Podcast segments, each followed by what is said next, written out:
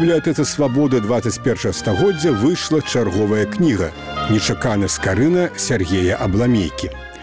Кніга складаецца з культуралагічнага эсэ ў 25 частках і аўтарскіх інтэрв'ю з беларускімі і замежнымі навукоўцамі пра новыя знаходкі ў скараназнаўстве. Зараз фрагменты кнігі. Чытае Сергей Абламейка.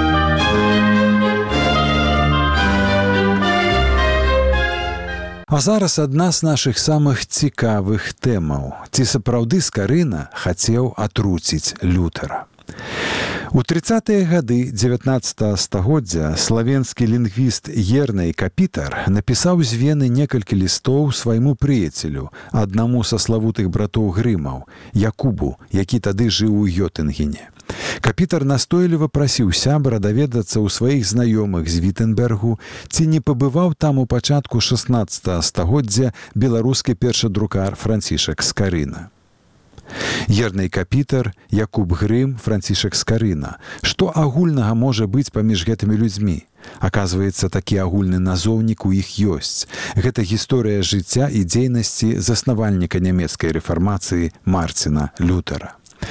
Грым капітару не дапамог, але той у 1839 годзе ўсё роўна змясціў у сваім навуковым зборніку артыкул пад сенсацыйнай назвай.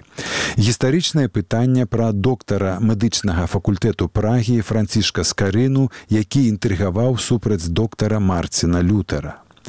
У артыкуле сцвярджалася, што ў 1525 годзе у тагачасную сталіцу нямецкай рэфармацыі Вітенберг прыязджаў для сустрэчы з лютарам нейкі доктар францискус полонус доктар францішак паляк Капітар пісаў, што доктар францішак спачатку сустрэўся з найбліжэйшым паплечнікам і сябрам лютара філіпам малянхтонам, на якога зарабіў вялікае ўражанне сваёй вучонасцю. Захоплены мелянхтон запрасіў доктара францішка дадому на абед, куды прыйшоў і марцін лютар. Падчас абеду, які зацягнуўся да позняга вечара, прыезджы доктар зрабіў моцнае ўражанне і на лютара. Лідар рэфармацыі, не вагаючыся, запрасіў францішка назаўтра да сябе на сняданак для гульні ў шахматы. Аднак калі лютар павячэраў і амаль апоўначы вярнуўся дадому, пісаў капітар. Яму ў галаву прыйшла думка пра папярэджанне сяброў, зробленая чатыры гады перад тым, каб ён баяўся нейкага польскага доктара францішка, найхітрэйшага прайдоху, якога біскупы падгаварылі за 2000 залатых зжыць лютара са свету конец цытаты. Заснавальнік рэфармацыі нібыта так напалохаўся, што ўцёк у горад торгаў, адкуль напісаў ліст у магістрат Вітенбергу з просьбай схапіць паляка і падвергнуць яго катаваннем.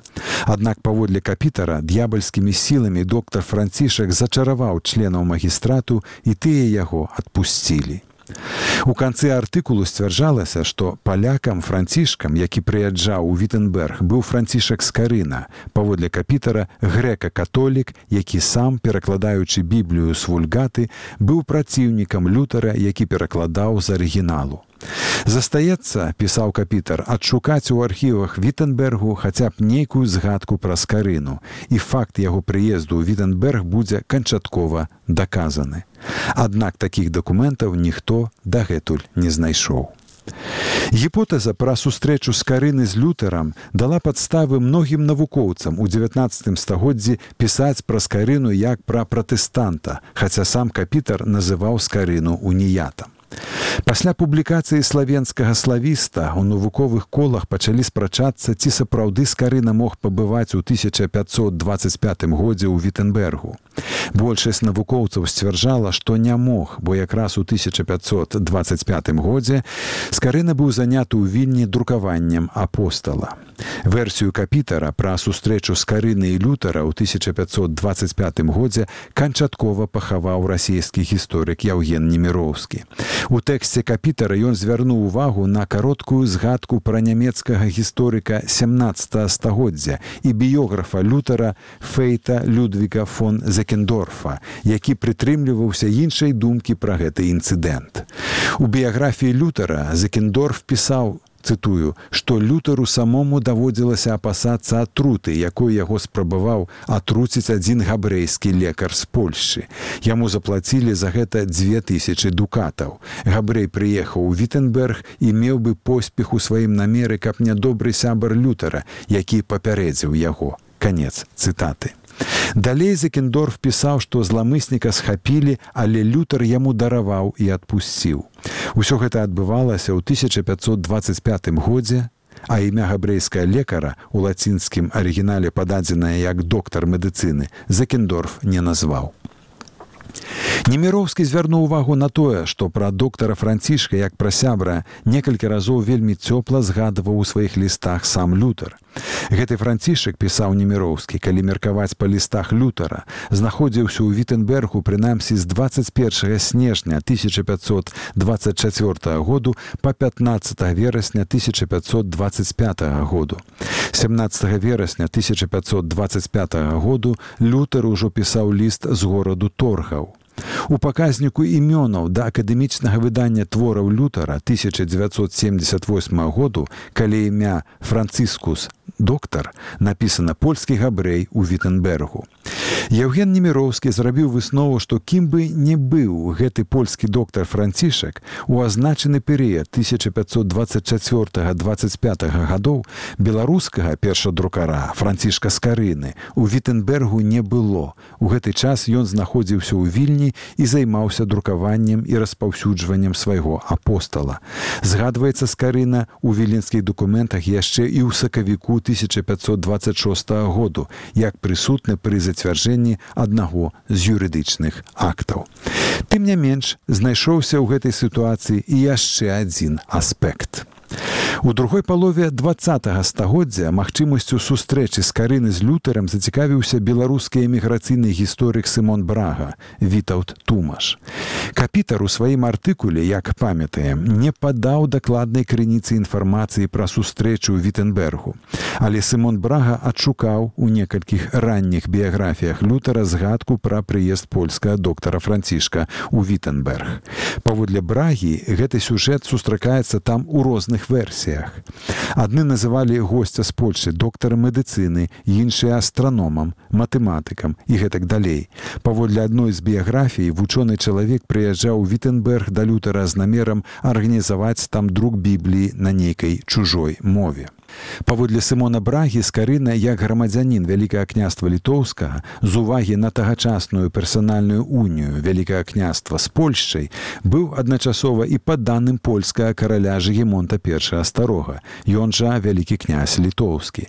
Таму ў нямметчыне скарыну маглі назваць палякам Вывучыўшы старыя нямецкія хронікі і сведчанні самога лютара, Сымон Брага заўважыў, што дактароў з Польшчы, якія прыязджалі да лютара, было найменш два. Адзін наведаў Вітенберг у 1525 годзе, а другі, паводле словаў самога лютара, на 7-8 гадоў пазней у 1532 33 годах. Брага звярнуў увагу, што пачатак 30-х гадоў 16 стагоддзя гэта той час, калі скарына дакладна быў у кракаве і познані, вельмі недалёкіх ад Вітенбергу гарадоў. Таксама ён мог быць і яшчэ ў адным блізкім да Вітенберга горадзе ў Роцлаве. Брага знайшоў сведчанне яшчэ аднаго блізка сябры паплечніка лютара Йогана Матэзіуса, які пісаў, што доктар чужынец прыехаў Вітенберг з Уроцлава. Менавіта там у 19 стагоддзе былі знойдзеныя ў пераплётах кніг сярэдзіны 16 стагоддзя старонкі з праскай бібліі з карыны. І дагэтуль невядома, як яны туды трапілі. Мясцовы пераплётчык выкарыстоўваў іх для рамонту вокладак пашкоджаных кніг. Выказвалася меркаванне, што нясшытыя ў пераплёты друкаваныя аркушы з карыны маглі быць канфіскаваныя каталіцкімі ўладамі падчас падарожжа перша друкара з прагі ў вільню у 1520 годзе.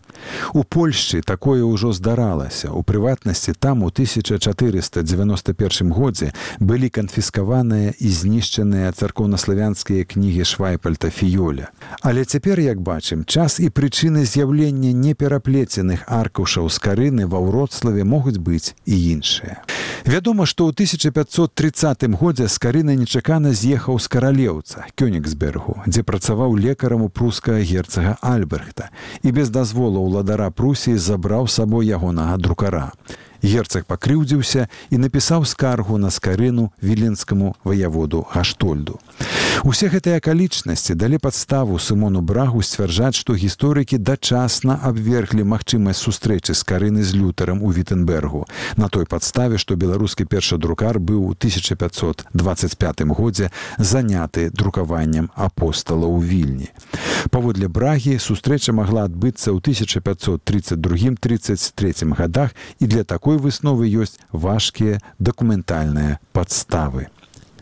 Ці мог скарына быць агентам каталіцкай царквы, які за плату збіраўся атруціць марціна лютара. Практычна на гэта няма шанцаў. Усё, што мы ведаем пра перша друкара, а таксама тэксты ягоных прадмоваў да кніг бібліі сведчаць, што ён быў глыбока веруючым, прыстойным чалавекам, апантаным сваёй асветніцкай і выдавецкай справай. Ён сапраўды мог збірацца працягнуць друкаванне беларускага перакладу бібліі ў пачатку 30-х гадоў, для чаго ездзіў да лютара па дапамогу ў арганізацыі такога выдання. Сувязі з карыны з памяркоўнымі дзеячамі чэшскай рэфармацыі вядомыя. Зрэшты мог скарына пабываць у вітенбергу і з іншымі невядомымі нам мэтамі. Дакументальных архіўных звестак пра ўсё гэта няма. Трэба весці дадатковыя пошукі ў нямецкіх архівах і старых хроніках. У чым нельга сумнявацца, дык гэта ў тым, што калі б сустрэча ў вітенбергу адбылася, францішак скарына сапраўды мог бы ўразіць сваёй вучонасцю і марціна лютара і філіпа мэлянхтона.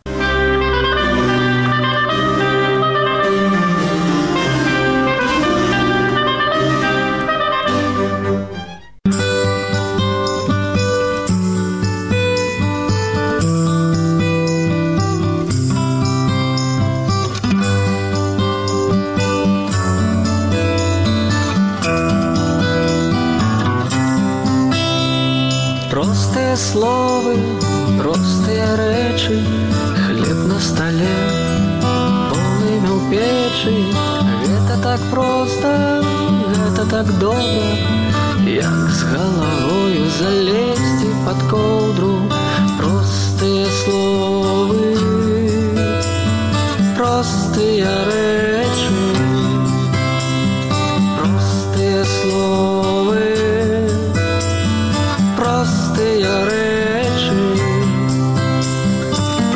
прыцемкам сінім зімовай парою у доме бацькоўскім усё так знаёма ёсць чым сагрэцца ёсць дзе схавацца у доме бацькоўскім у матчынай хаце простыя словы простыя рэчы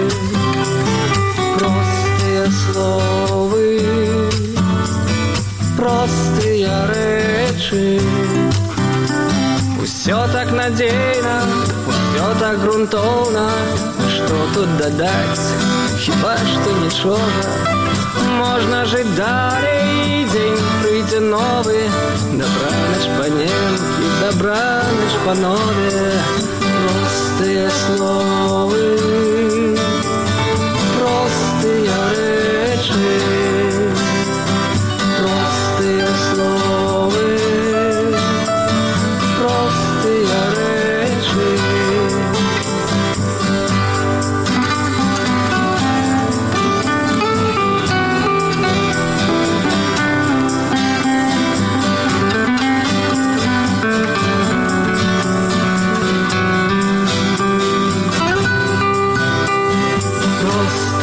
solo